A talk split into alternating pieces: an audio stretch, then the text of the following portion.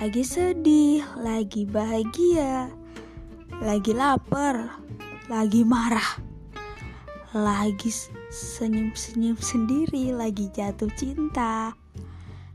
Podcast di radio bakal menemani hari-harimu.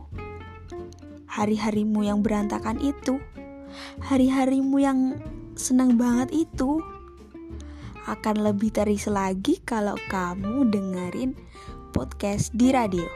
Bersama Dira, hidup kalian akan lebih bahagia. Enjoy!